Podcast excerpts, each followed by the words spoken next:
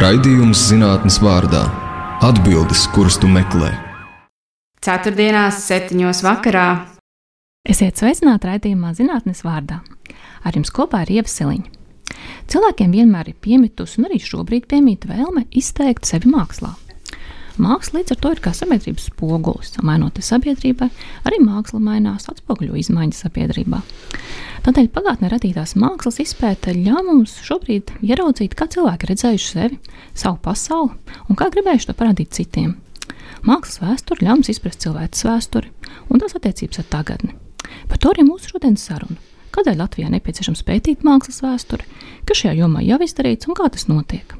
Šodienas raidījuma zinātnes vārdā viesņa ir mākslas vēsturniece, Latvijas Mākslas akadēmijas, Mākslas vēstures institūta vadošā pētniece Daina Lāce. Daina ir arī lektore un zinātnisko darbu vadītāja Latvijas Mākslas akadēmijā, kā arī daudzsējumu sējumu Latvijas mākslas vēsture, koordinātore un tekstu autore. Daina zinātniskās intereses pārklāja 19. gadsimta arhitektūru Latvijā, bet disertācija ir aizstāvēta par 19. gadsimtā dzīvojušā Rīgas pilsētas arhitekta un rātas būvmeistara Johana Daniela Felsko darbu. Tātad raidījuma zinātnes vārdā viešņa šodien ir mākslas vēsturniece Daina Lāce. Labdien, Daina! Labdien! Stāsti, kā tu nonāci mākslas vēsturē? Interesanti, kā nonāca.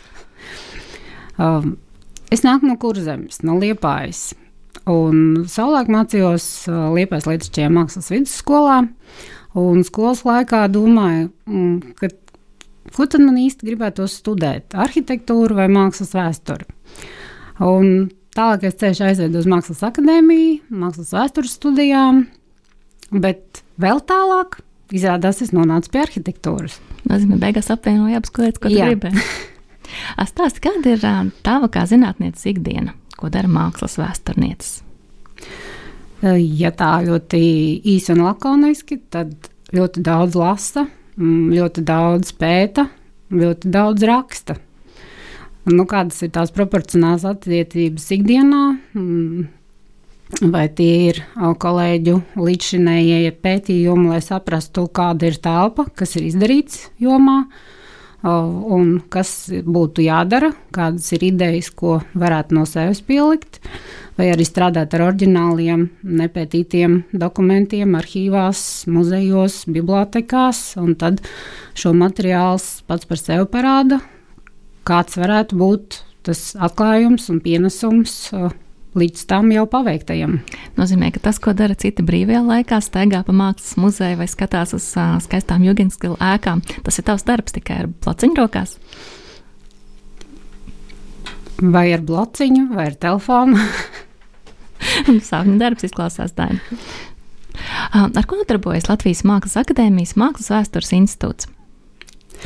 Um, Latvijas Mākslas akadēmijas Mākslas vēstures institūtām nu jau uh, astoto gadu ir uh, apjomīgs uh, fundamentāls projekts, uh, kas saucās Latvijas mākslas vēsture, Latvijas valsts simtgadēji, uh, kur ir paredzēts uh, izpētīt un parādīt uh, mākslas attīstību, uh, jaunumus, inovācijas uh, vairāku gadsimtu gaitā un būtībā no akmens laikmeta līdz pat 21. gadsimtam.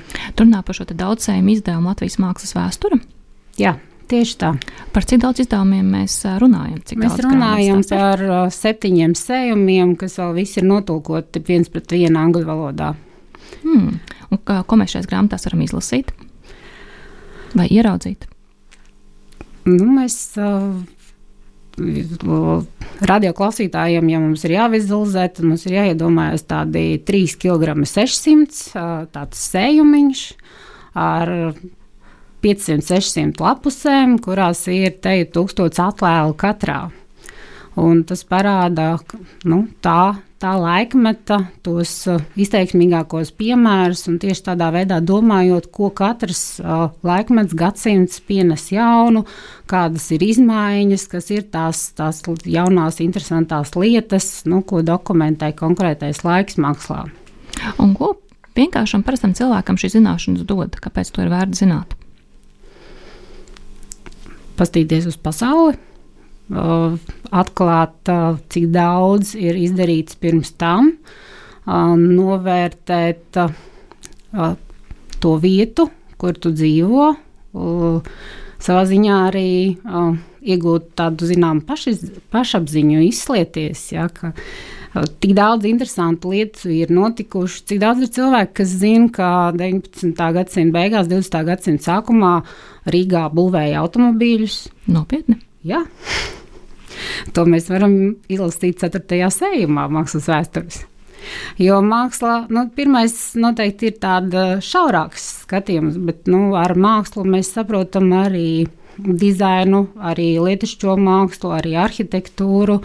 Tagad tā joma, kas, kas ko sēdz māksla, tās estētiskais skatījums uz pasauli ir, ir gana plašs un apjomīgs. Ko mūsdienīgā māksla liecina par mūsu sabiedrību, kāda mēs esam šobrīd? Nu, ir tāds īsais teiciens, ka māksla ir sabiedrības spogulis to, cik daudzveidīgi viņi ir. Un ko tur redz šajā spogulī? Kāda mēs esam šobrīd? Ko nākotnes cilvēki par mums varēs teikt? Šeit jādo, jāsaka, ka daudzas lietas pārvērtē laiks, un, un laiks ir tas labākais uh, revidents, kritiķis un, un arī parādīs, uh, kas atsījāsies un kas paliks, kas izies tam laika sietam cauri, kā sīks graudiņš vai olītis, un kas, kas būs tās fundamentālās lietas. Tas jau ir nākotnes vērtējums. Tā faktiski tas, kas ir vērtīgs, to mēs redzēsim tikai ar laiku, vai ne, kas paliks? Savā ziņā, jā. Uh, urbānā leģenda vēsta, ka topošais mākslas vēsturnieks um, ir cilvēks ar ļoti labu atmiņu, jo vajadzīgs atcerēties daudz mākslas darbus, autorus, gada skaitļus. Stāsti, vai tā ir taisnība? Pirmā atbilde ir jā, tā ir. Tā ir tranēta atmiņa. Tas ir tie sējumi un apjomi mākslas vēsture, ko apgūst studiju gados. Bet ir arī jebkuram studentam zināms fakts, ka noliekam eksāmenu un izējot pa durvīm aizmirstam visu, ko mēs esam zinājuši. Bet, nu, tā ir varbūt tāda pirmā pirmā, pirmā sajūta un iespēja, jo mm, pakāpeniski jau veidojās tādas kopsakarības un saites, un, un tā aina kļūst ar vienu pilnīgāka. Un, un jā, protams, ir daudz gadskaitļi, kurus uh, var atcerēties ļoti no nu, tā precīzi. Jebkuram, kam jautāsim, kad dibināt Latvijas valsts, es domāju, ka viss pateiks gadsimtu pareizo. Tā tas ir ar, ar tām jomām un tiem, tiem periodiem, ar kuriem tu strādā, ka skaitļi paliek atmiņā. Kāda vispār ir situācija ar mākslas vēstures izpēti Latvijā? Vienmēr gribētu vairāk. Tādā ziņā, ka ir brīži, kad liekas, ka nu, tajā tēmā mums vairāk nav ko pateikt, un, un tad atnāk uh, viens jauns uh, pētnieks un saka, hei, uh, es vēlos rakstīt doktora disertāciju par Jāni Valteru. Un vispār es varu pateikt uh, par viņa radniecību, par viņa studijām, par to, kā viņš pārcēlās uz Dresdeni. Uh, es varu izbraukāt visu to, to ko viņš ir studējis, mācījies, un, un parādīt, ka tā aina ir daudz, daudz plašāka. Šobrīd, uh, pavisam nesen, gada beigās iznāca grāmata par Valdemāru Zeltiņu, kur sākotnēji bija zinām 24 darbi muzejā, un pēc tam tas skaitlis dubultojās. Un, tas ir tāds fundamentāls, pedantisks, skorpulos, ļoti daudzu gadu darbs, kas var rezultēties tādā vienā pedantiskā, perfektā sējumā. Kā Latvijas, um, Latvijas mākslas vēsture atšķirās no mākslas vēstures citur pasaulē?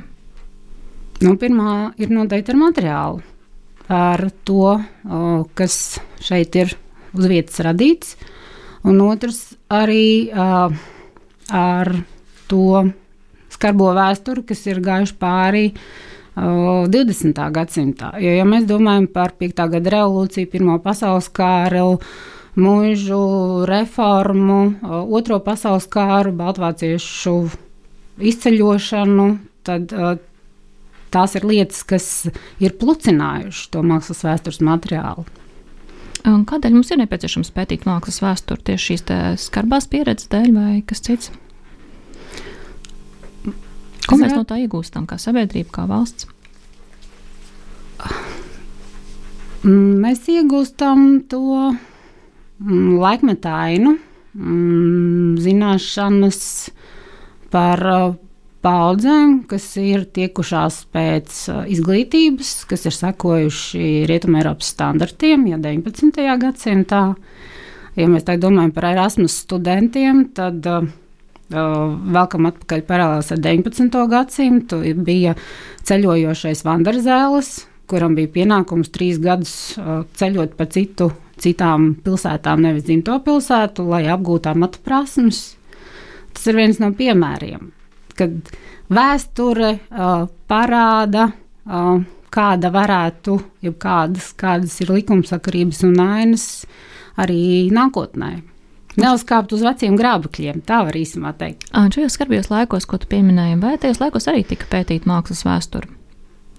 Jā, mākslas vēstures pētniecība, mm, varētu teikt, sākas ar uh, tādu akadēmisku 19. gadsimtu, bet mēs, protams, zinām piemēru par māksliniekiem, kas uh, ir dokumentējuši savus darbus, savas tehnikas, kā jaukt krāsas, cik daudz vajag okera, cik vajag kraplaku, ko vajag piemaisīt, kādu eļļu, cik daudz olu pielikt, tas viss tikai uz konsistenci, tad noteikti tur liktu gramus un vēl, vēl sīkākas vienības. Recepti, jā, jā, jā, bet uh, nu, tā pieredze ir, ir fiksēta, un, un to mēs zinām jau no renesanses šie pieraksti ir, un, un tas ziņā ir arī viens no mākslas vēstures materiāliem. Un Latvijā, ko mēs esam pētījuši šādos uh, skarbākajos laikos, tad, kad um, recepts jau sen bija pierakstīts, tad teica, ka arī nu, tad, kad bija vispārmaiņu laika un karš uh, pētniecība neapstājās. Kas ir tas, ko tajā brīdī var fiksēt?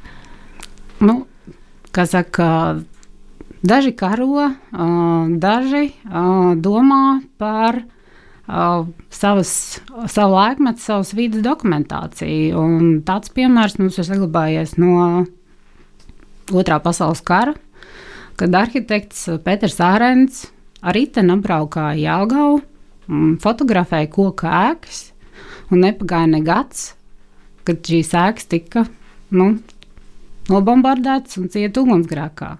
Un, ja mums nebūtu šīs fotofiksācijas, tad par tādu šobrīd aktuālu tēmu kā koku arhitektūra Latvijā, pasaulē, Eiropā. Mums nebūtu nekādu liecību, bet šobrīd mēs ļoti skaisti varam parādīt virtuālā jāgavā, staigāt ielu pēc ielas, kāda ir fasāde, kāds ir pagalms, kā, kāda ir vēl telpas, nu, kādas ļoti augstas amata prasmes tur parādās. Kā tavi pētījumi ietekmējuši tavu ikdienu? Vai mākslas vēsturnieks savādāk redz arhitektūru Latvijas pilsētās vai citādi izturās ārvalstu ceļojumos? Ik viens noteikti varēs teikt, ka mm, profesionālais skatījums uh, jā, sniedz uzreiz tādu citu pieeju objektam. Mēs varētu varbūt ar diviem, ja pat vienu piemēram, no, no mūsu draugu ceļojumu. Mēs braucām un, un braucām ar riteņiem pa Igaunijas salām. Un, nu, draugi tādā draudzīgā humorā teica, nu, Dainai jau noteikti vajadzēs piebraukt pie baznīcas un apiet viņai riņķī. Es teicu, es jau tur visu redzēju garām braucot. Ja, jo, nu, tas skats, protams, ir labi redzēt tūplānos, ja, bet uh, Kāds ir plāns, kā, cik liels ir objekts, to, nu, tas ir viens skatiens, un tev ir skaidrs, kas tas ir. Tas nāk tā, ka te pa Rīgas ielu, un jā, šī ir tā teikt 19. gadsimta tāda un tāda perla. Nu jā, Rīga, Rīga uzreiz jau saistās uh, daudz objekti un, un tieši ar konkrētiem vārdiem, ar konkrētiem arhitektiem, cik daudz mums ir ārzemju arhitektu darbi, cik mums ir uh, vietējo, cik ir tie, kas uh, ir atbraukuši uz Rīgu, uh, lai vadītu teiksim, bruņniecības nama celtniecību, kā tas ir Roberta Flūga gadījumā kopā ar savu draugu Jānu Baumani. Un kaut kā aizķērās Rīgā uz visu atlikušo mūžu. Tā kā arī tādi piemēri mums ir. Vēl joprojām ir. Šis ir raidījums zinātnes vārdā ar jums kopā ar Ievu Siliņu. Viesos mums šodien ir mākslas vēsturniece Daina Lāce. Iepriekš runājām par um, mākslas uh, vēsturi. Gribētu tos tālāk pieskarties um, Dainas pētījumam arhitektūrā. Uh, saki, Daina, kādēļ tu savu pētījumu tēmu izvēlējies tieši 19. gadsimta arhitektūru? 19. gadsimta arhitektūra atnāca līdz ar maģistra darbu uh, mans skatījums bija uz uh, neogotiku, interesējos par neogotiskajiem altāriem. Un man vadītāja teica, nu, varbūt pa priekšu paskaties uz uh, tām neogotiskām baznīcām, kas ir Rīgā. Vecā ģertrauda, anglikāņi, sekundāros trīsvienības. Un tad jau redzēsim, kā tā tēma attīstīsies. No sākuma ārpus, pēc tam iekšpus. Jā. ja viss sākās ar pamatiem, tad ir lielais apjoms un tad jau ir detaļas. Un tev iepatikās? Jā, man iepatikās. Un no Neogotiskām baznīcām Rīgā tas uh, izvērtās par uh, Rīgas pilsētas arhitektu Johanu Danielu Felsko. Uh, Dairadas detalizētu izpēti jau uh, disertācijā. Ko par mums stāsta Latvijā atrodama arhitektūra?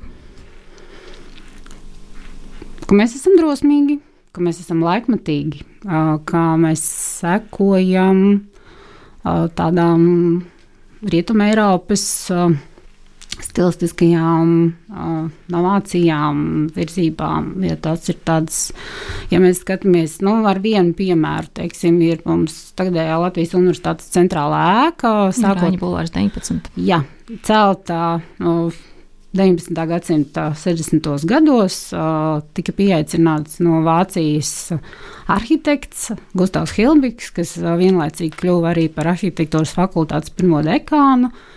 Un Nu, mēs jau pazīstam, noteikti esam krustšķērs izstaigājuši, zinām pagalmus, zinām, zinām, kur kas atrodas. Bet vai kāds ir uzdevis jautājumu, kāpēc no dzelteniem ķieģeļiem, kāpēc šīs violetās glazētās ķieģeļu plāksnītes fasādē, kāpēc tās tarikotas rozetes un cik tas ir laikmetīgi kopējā ainā? Un kāpēc tādas tur ir? Un, principā, mēs varam pēc detalizētākas izpētes un salīdzināt ar, ar citiem piemēriem no Rietumē Eiropas, mēs varam pateikt, ka tas ir ļoti agrīns piemērs. Tā ir pirmā ēka Rīgas bulvāra joslā, kas ir tā celta. Pēc tam Baumans uzcēla blakus tagadējo informātikas fakultāti, ja, bet tā bija pirmā. Un, ja mēs skatāmies tālāk uz uh, Britu salām, tad dzeltenais ķieģeris pret violetām flīzītēm uh, muzeja jēkā parādās vienus desmit gadus vēlāk. Un tad mēs bijām teikt, pirmie ļoti drosmīgi. Mēs varam izslieties, vai mēs bijām pirmie. Tas ir tāds jautājums, uz kuru vēl jāmeklē atbildi. Bet katrā ziņā, kā jau teicu, Rīgā strādāja ļoti laikmetīgi arhitekti. Vai ir atšķirības starp Rīgu un arhitektūru ārpus Rīgas? Skatoties Latvijas vai vēl? Jā, Latvijas kontekstā. Nu, Rīgas, Rīgas attīstība, osta, augstskola, tehniskā augstskola, kāda bija Politehnikums, protams, ienes daudzas tādas novācijas, un te mums jāpieskarās arī tam, kā tika veidots pasniedzēju sastāvs vai korpus pieaicināts. Tie visi bija ārvalstu speciālisti uh, nu, ar, ar zināmu tādu atzīstamu uh, iepriekšējo profesionālo bāzi un pieredzi. Nozīmē, ka Latvija ir Rīga vai Latvija nav Rīga arhitektūras ziņā? Latvija, Rīga, Rīga. Mm, es neliktu vienādības zīmi. Nu, es noteikti paskatītos uz, uz citām pilsētām, un arī tur ir mm, daudzi daudz interesanti projekti, lai paskatāmies uz to pašu Liepāju ar Paulu Maksu Berčī, ar, ar viņu tādu mm, arhitekta mūža veikumu un, un to, to specifiku, kas nāk. Bet, katrā ziņā tas profesionālo arhitektu skaits Rīgā bija daudz lielāks, arī pilsēta daudz straujāk izauga. Ja mēs skaitām 40, 60 un 120 tūkstoši, ar ko tas noslēdzās 19. gadsimta beigās, nu tas kāpinājums, tas temps nepavelti. Skolas bērniem saka tādu teicienu, ka 19. gadsimtā attīstība notika ar septiņģūģu zābakiem, ja, kas bija sākumā, kā tas attīstījās tālāk ar nu, tādām pie arhitektūras piesaistītām tēmām, kā uh, gan fotofiksācija, gan dzelzceļš, gan transporta no burniekiem uz tvaikoņiem. Nu, tā, tā dinamika, kas nāca un līdz ar to, ar to cilvēku sastāvu, kas uh, koncentrējās pilsētā, tas nes līdzi lielas izmaiņas. Kā vispār Rīga veidojās vēsturiski no pirmsākumiem? Mums ar stundu būs par maz. Tad lūdzu ātrā kursu. ātrā kursu nu, no vienkāršas apmetnes, no nocietinātas pilsētas, no, no viduslaika nocietinājumiem uz to laiku, kad ir uh, izdomāti šaujamieroči, no pirmās pilsētas nocietinājuma joslas, uh, un tad ir šī ļoti pamatīgā pilsētas nocietinājuma, kur ir mūri, ir, ir bastioni, ir ravelīni. Ir, Kas ir ravelīni? Ravelīna ir tāda trīs veida saliņas. Ja mēs iedomājamies to teritoriju, kur uh, ir tagad brīvības piemineklis, tad uh, smailīte uh, uz ārpusi. Uh, nu, tas ir tāds uh, apsargātais ceļš pilsētā iekšā. Lielie smilšu vārti. Hmm. Kur ir pati Rīgas sirds? Kur bija pirmā apmetne? No kurienes tas viss uh, radās? Vecrīgas iekšpusē? Nu, vienmēr ir teikts iekšrīga un ārrīga. Tā iekš, tas, kas ir centrā vai nocietināts, tā ir tā iekšrīga, un tad ir priekšpilsētas, kas ir ārpus pilsētas vaļņiem. Un kurā brīdī tika nojaukta vaļņa? Vaļņi no, nu, tika nojaukta 19. gadsimta mm, 60. gadu sākumā ļoti mērķiecīgi, sešu gadu laikā, pēc vienotas programmas. Ja mēs runājam precīzāk, tad ir 1857. Eh, gads, 15. novembris, svinīgā vaļņu nojaukšana. Un rīznieki teica, ka viņiem ir tā apnikuši tie vaļņi. Kāpēc? Kas, tāpēc, ka viņi mm, ierobežoja kustību. Iedomājieties, ja mēs Rīgā varam tikt tikai pa to ielu vai ceļu, kas ir brīvības piemineklis, tad no stacijas dzelzceļa puses pa Kārļu ielu Un tad pa Jākabielu trīs, trīs vietas, kur var tikt pilsētā. Un tad, nu, protams, arī no Daugavas puses, bet no pret cietzem tā tie ir trīs, trīs lielie vārti. Un, un, protams, tā saspiestība arī rāda nocietinājuma vārds, kur var tikai viens pajūgs iebraukt, un tad, ja ir diviem jāsamainās, tad tas sastrēgums. Jā, jā, sastrēgumi arī tajā laikā, un pilsētas vārti tiek ar tumsu slēgt ciet, un, un tad ir jāpagaida līdz rīta gaismai, lai tiktu pilsētā iekšā. Un, no 19. gadsimtā to visu uzskatīja par lielu apgrūtinājumu, un tikko Rīga vairs neskaitījās militārs objekts, ja nocietināta pilsēta, kad to atcēla, rīznieks saka, ka jā, mums vajag to visu nojaukt un uh, atrast vietu uh, jaunu sabiedrisku ēku būvniecībai. Mums ir nepieciešama gāzes iestāde, lai apgaismojumu pilsētā radītu un arī apkuri. Mums ir vajadzīgs arī pilsētas teātris, un, un tiem atrada vietu tieši šajā nocietinājuma joslā. Un tā faktiski šī nocietinājumu nojaukšana nāca kopā ar um, attīstību gan uh, dzīves kvalitātes ziņā, gan arī kultūras dzīves. Jā, pilnīgi noteikti. Tu arī sarakstīji grāmatu Rīgas, pirmais Rīgas pilsētas arhitekts Johans Daniels Felsko 1818. līdz 1902. Stāsts, ar ko Felsko kungs ir īpaši Rīgai? Ah, Johans Daniels Felsko ir pirmais akadēmiski izglītotais Rīgas pilsētas arhitekts kas projektēja un bija atbildīgs par ēkām, kuras cēla par Rīgas rātas līdzekļiem. Un viņa tāda profesionālā darbība tieši Rīgas rātas būvmeistara amatā sākās 1844. gadā un ilgi līdz pat 1879. kad mainījās pilsētas pārvaldes struktūra. Vairs nebija rāta, bet bija Rīgas doma un, un tad viņš arī aizgāja pensijā. Tātad 35 gadi šajā straujajā pārmaiņu laikā viņš bija nu, viens no noteicējiem arī projektu plānu un tām izstrādātājs. Un, ja es skatos arhīvā, ka tie aprēķini bija līdz ceturdaļai kapeikai. Cik, cik vērti ir ceturdaļa kapeika šodien? Nu, pusotra kapeika bija Baltmaizes klēpiņš. Salīdzinājumam. Bet, nu, jā, Precīzas tāmas, jāsaka. Nekādas, nekādi aptuveni skaitļi tur, tur nebija. Un, un arī to salīdzinājumu, vai akcelt no koka vai no mūra, tā ir, tā ir puse no vērtības. Nu, tā, to tām arī vēlāk nākamās arhitekta paudzes saka, ka tik pedantiski, kā to reiķināja Felsko, nu, viņiem ilgo par to bija jādomā. Kādēļ pilsētā vispār nepieciešams galvenais arhitekts? Tā, tas ir tāds uh, kopējais uh, laukuma teritorijas uh, redzējums. Un, nu, tur noteikti cauri gadsimtiem uh, mainās, mainās situācija, jo, kā jau stāstīju, ka 19. gadsimtā pilsētas arhitekts, jeb ko vēlākos laikos teica pilsētas galvenais arhitekts, uh, viņš bija tīri tehniski atbildīgs un izstrādāja projekts un tāmas tām ēkām, ko cēla par pilsētas līdzekļiem.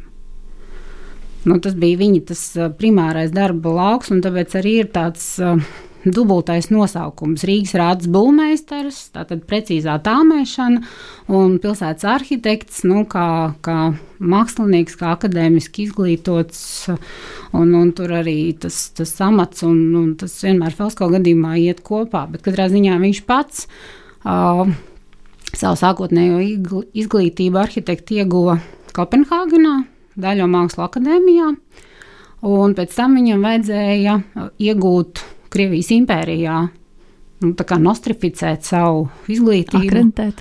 Nu, jā, arī akreditēt. Uh, un, un tad kopš 1851. gada, kad viņš ieguva šo arhitekta diplomu Pēterburgas Mākslas akadēmijā, viņš vienmēr projekts parakstīja Johans Daniels Felsko, pilsētas arhitekts. Vai ar privātiem līdzekļiem varēja būvēt, ko gribās? Noteikti nē. Arī to Felsko kungs pārskatīja. Uh, jā, projekti bija jāsaskaņo.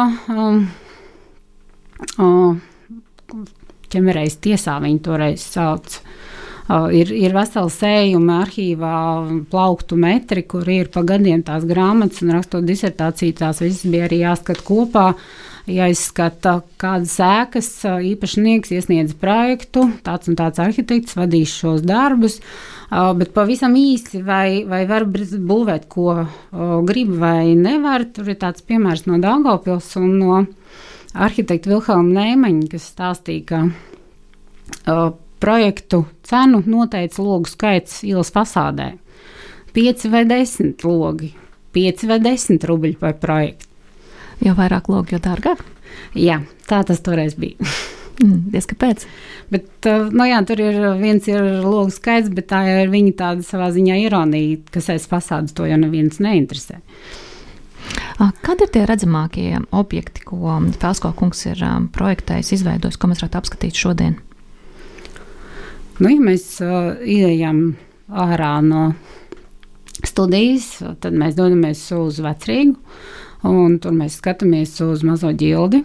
Un pējam tālāk, mēs redzam nodokļu pārvaldes sēku toreizējo, kas ir blakus Velsko darbs.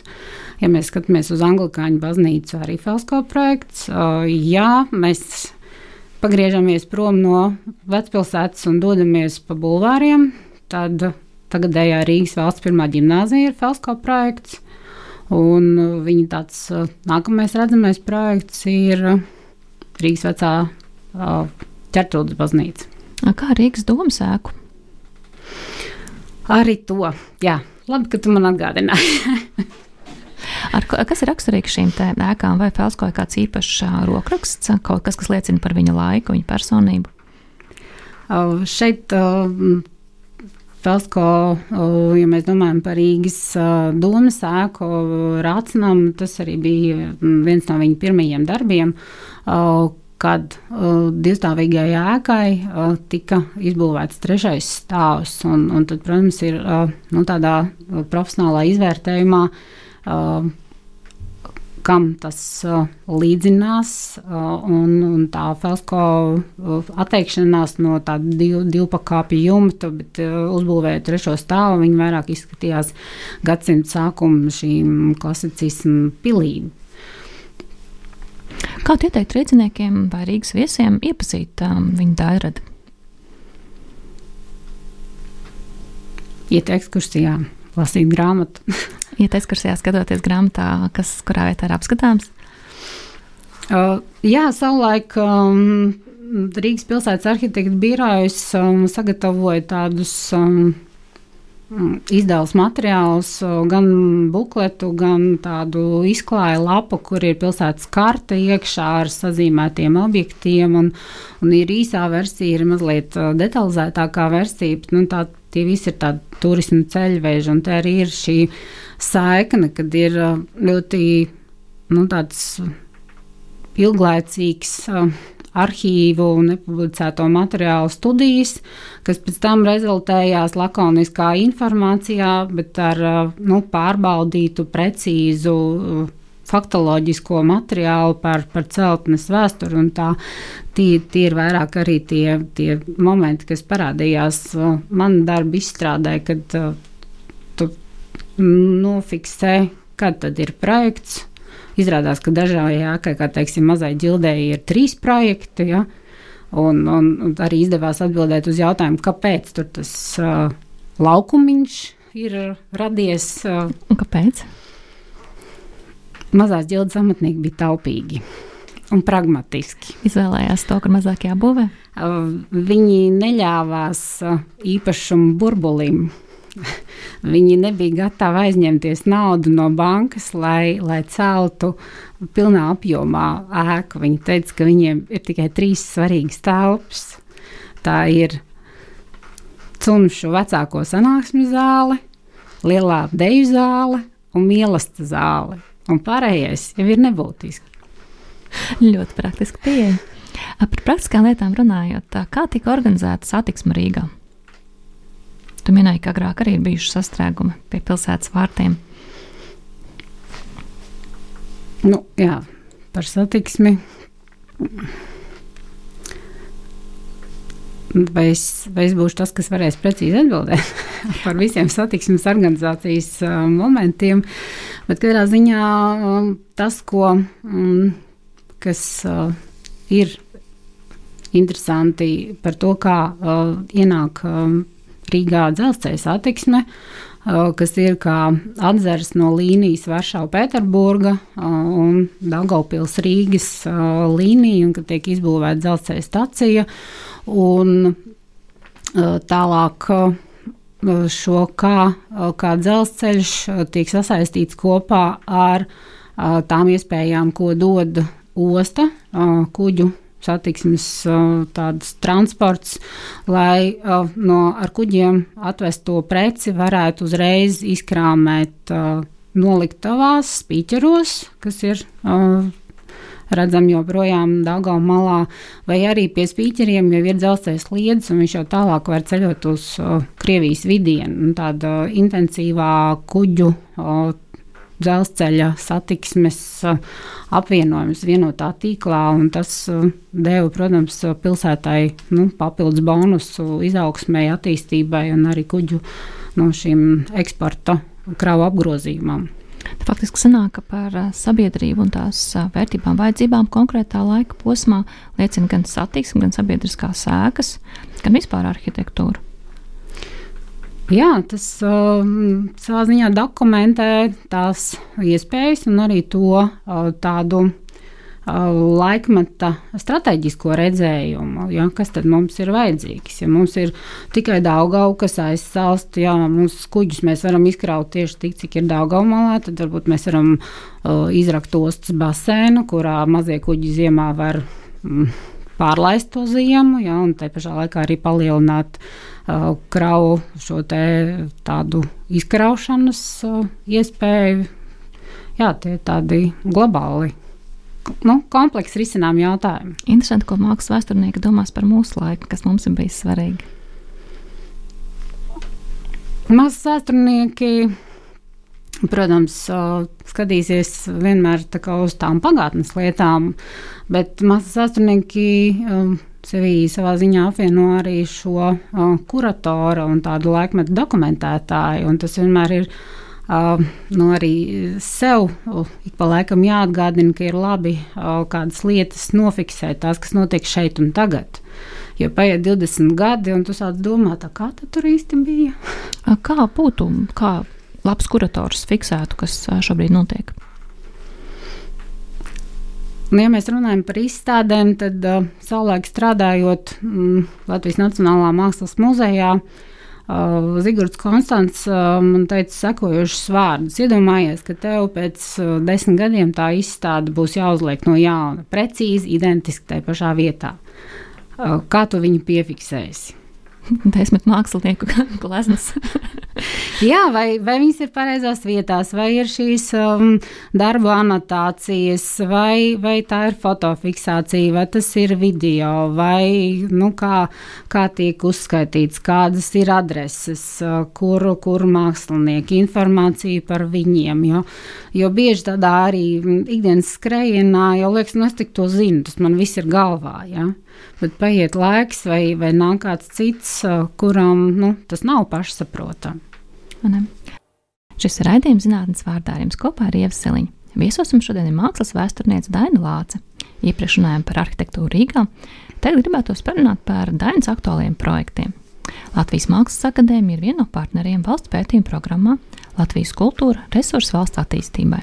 Tu Daina kopā ar Jāni Kutiņu tajā es atbildīju par pirmo posmu mākslinieckās jaunradas vēstures pētniecību un tās rezultātiem kā kultūras kapitāla attīstības resursu. Saka, Dēn, ko tieši tas nozīmē? Nu, tas, tas, jā, tas nozīmē, kā jau teikts, pētīt jaunradi, bet ne tikai jaunradi, mūsdienu jaunradi, bet jaunradi arī iepriekšējos gadsimtos.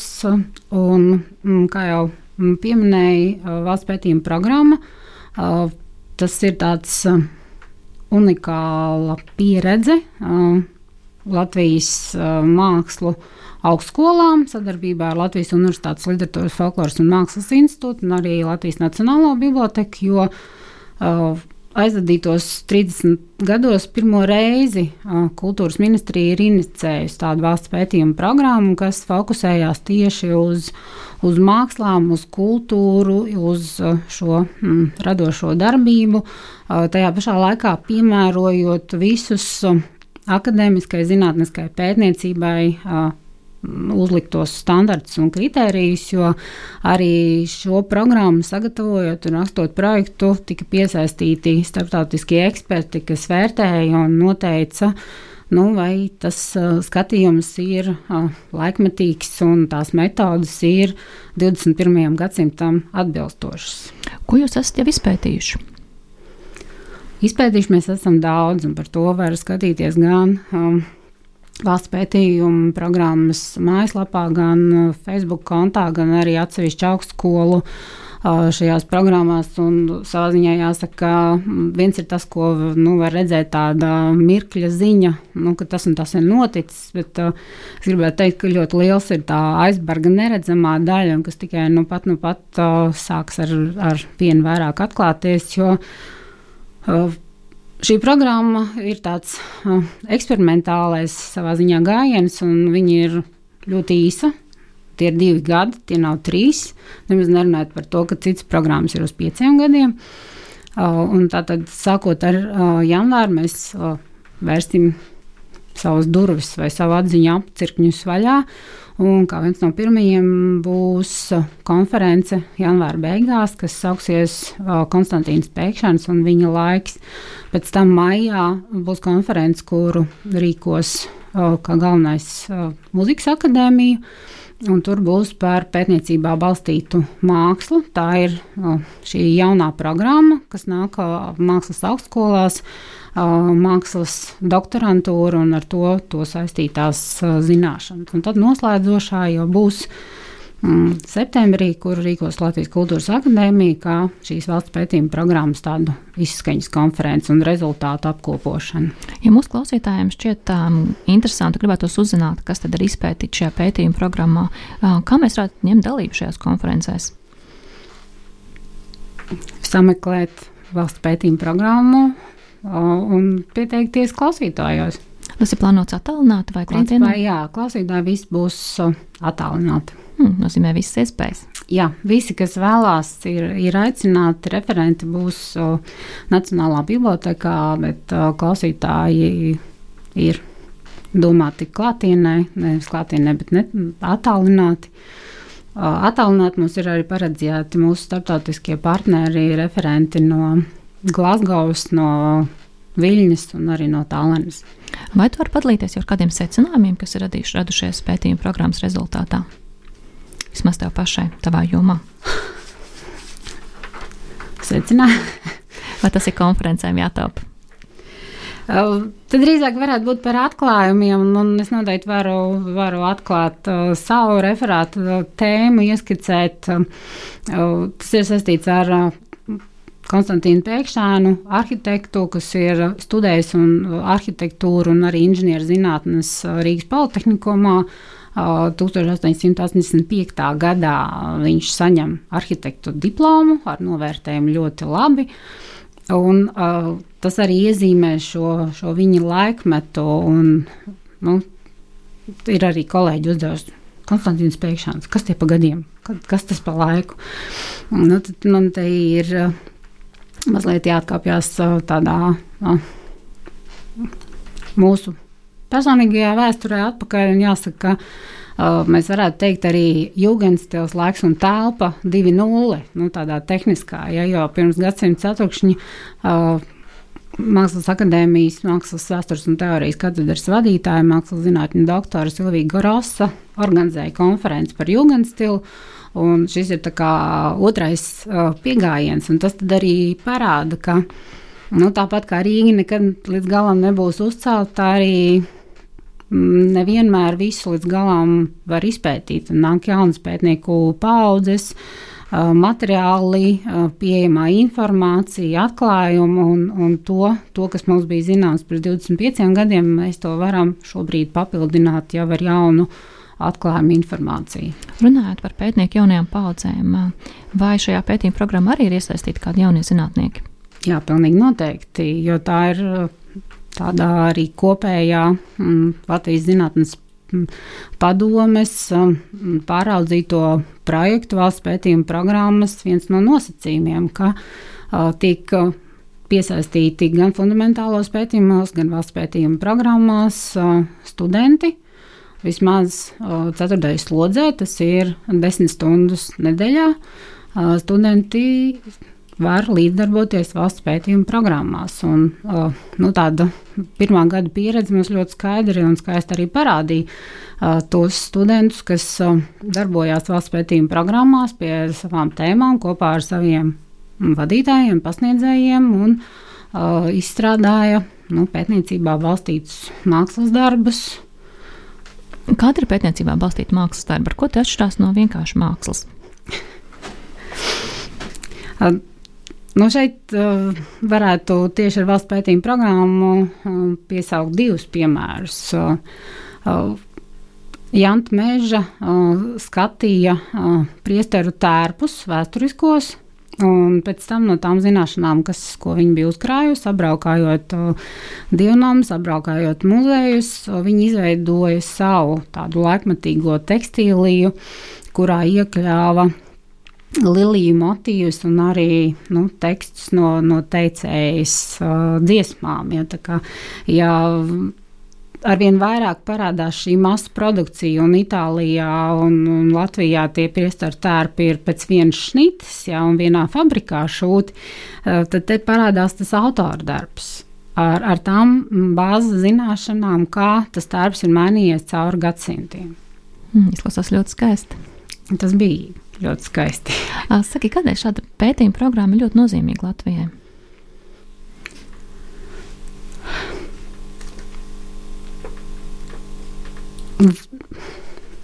Lai izzinātu šo, šo materiālu un tālāk izmantot, kā jau teikts, nozaukumā attīstībai. Ja, jo, tā ir pārbaudīta informācija, kur tālāk mēs varam izmantot jaunos projektos, produktos, domājot par pilsētas identitāti, domājot kā, kā valsti reprezentēt ārpus Latvijas, kā, kā turismā iekļaut šo informāciju. Mēs, tagad, piemēram, zinām, ka tāpat Liepāja ir uzlikusi sev tādu mērķi, ka viņi vēlās būt kultūras gal, Eiropas kultūras galvaspilsētā. Ja, un, uh, nu, lai sagatavotu šos materiālus, uh, nu, tajā kādam ir jāieguldas. Nu, tas ir tas pētnieciskais darbs, kā ļoti skaisti tagad jaunajā zinātnes kalendārā teica no viena no sejām. Cilvēki dažkārt izmanto zinātnes sasniegumus un rezultātus, un ikdienā pat neaizdomājas, ka tur apakšā ir zinātnē, pētniecība, ilgstošs eksperimentu process. Jā, to nu, nodefinēt vienā tas tā. Nevienmēr tik ātri to izdarīt. Prieks, ka mēs aizdomājamies. Kā tiks izmantot pētījumos iegūtie rezultāti? Pētījumos iegūtie rezultāti viņiem jau ir plāns tieši par publikācijām, kas attiecās uz šiem mākslas, mākslas vēstures un pārējo humanitāro jomu. Tādiem izpētes rezultātiem ir, ir vairāki gan rakstu krājumi, gan, gan arī starptautiskas publikācijas. Jo nu, te, te ir, mēs ejam vairākos līmeņos. Šīs starptautiski citējumās publikācijas, kas ir nu, akadēmiskās zinātnes tāda augstākā latiņa, un tad ir, ir nu, tie nacionāli, valstiski svarīgie, ko lasa tepat vietējie cilvēki. Kāda ir tavs pašas nākotnes plāna attiecībā uz pētniecību? Ko tu darīsi turpmāk? Ja drīkst atklāt. Mans fokus šobrīd ir uz uh, Liepājas uh, rajonu Liepājas pilsētu. Tas ir arī valsts pētījuma programmās.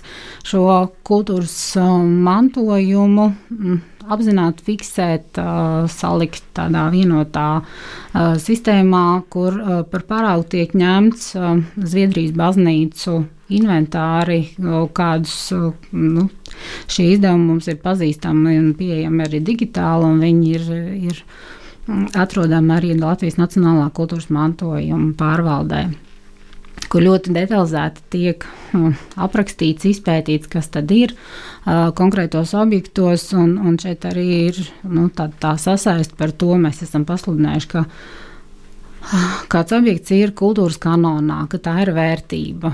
Bet mēs varam arī pateikt, ka tas ir nu, vienīgais baraka altāris kurzemē, kuru ir izgatavojis kurzemes hercogists, galvenā tēlnieks Nikolais Cefrēns jaunākais, kas strādāja kuģu būvētavā Ventspilī. Nu, dziļa izpēte, ko var salikt vienā teikumā. Nobeigumā, ko ieteiktu mākslas arhitektūras mīļotājiem, kas gribētu paplašināt zināšanas šajā jomā? Piedalīties akadēmijas sestdienas skolā. O, kas tā tāda? Reiz mēnesī tiek organizēta sestdienas skola, kurā par dažādām tēmām tiek stāstīts, nu, teiksim, veltīts, vai tā būtu telniecība, plezniecība, lietišķā māksla, grafika. Jā, jau gadu kolēģi tādu organizē, tas ir viens no variantiem. Protams, vienmēr ir meklējiet rakstos, patstāvīgi. Nozīmē, lasiet grāmatas. Arī nu, mums jau ļoti daudz kas ir pieejams arī tagad uh, internetā un digitāli. Mm. Paldies! Daina no sirds priecājas tiem panākumiem, novēlu turpināt zinātnisko sasniegumu ceļu arī turpmāk. Atgādinu, ka raidījumā zinātnes vārdā bija mākslas vēsturniece Daina Lāce. Studijā bija Ievsiliņa. Lai sekot jaunumiem mūsu rādio, atcerieties piesakot atrādio un abu kanāliem, sociālos tīklos Facebook, Twitter un Instagram. Lai jums visiem vizuāli pautāms vakars! Atā! Raidījums zinātnes vārdā - atbildes, kuras tu meklē. Ceturtdienās, septiņos vakarā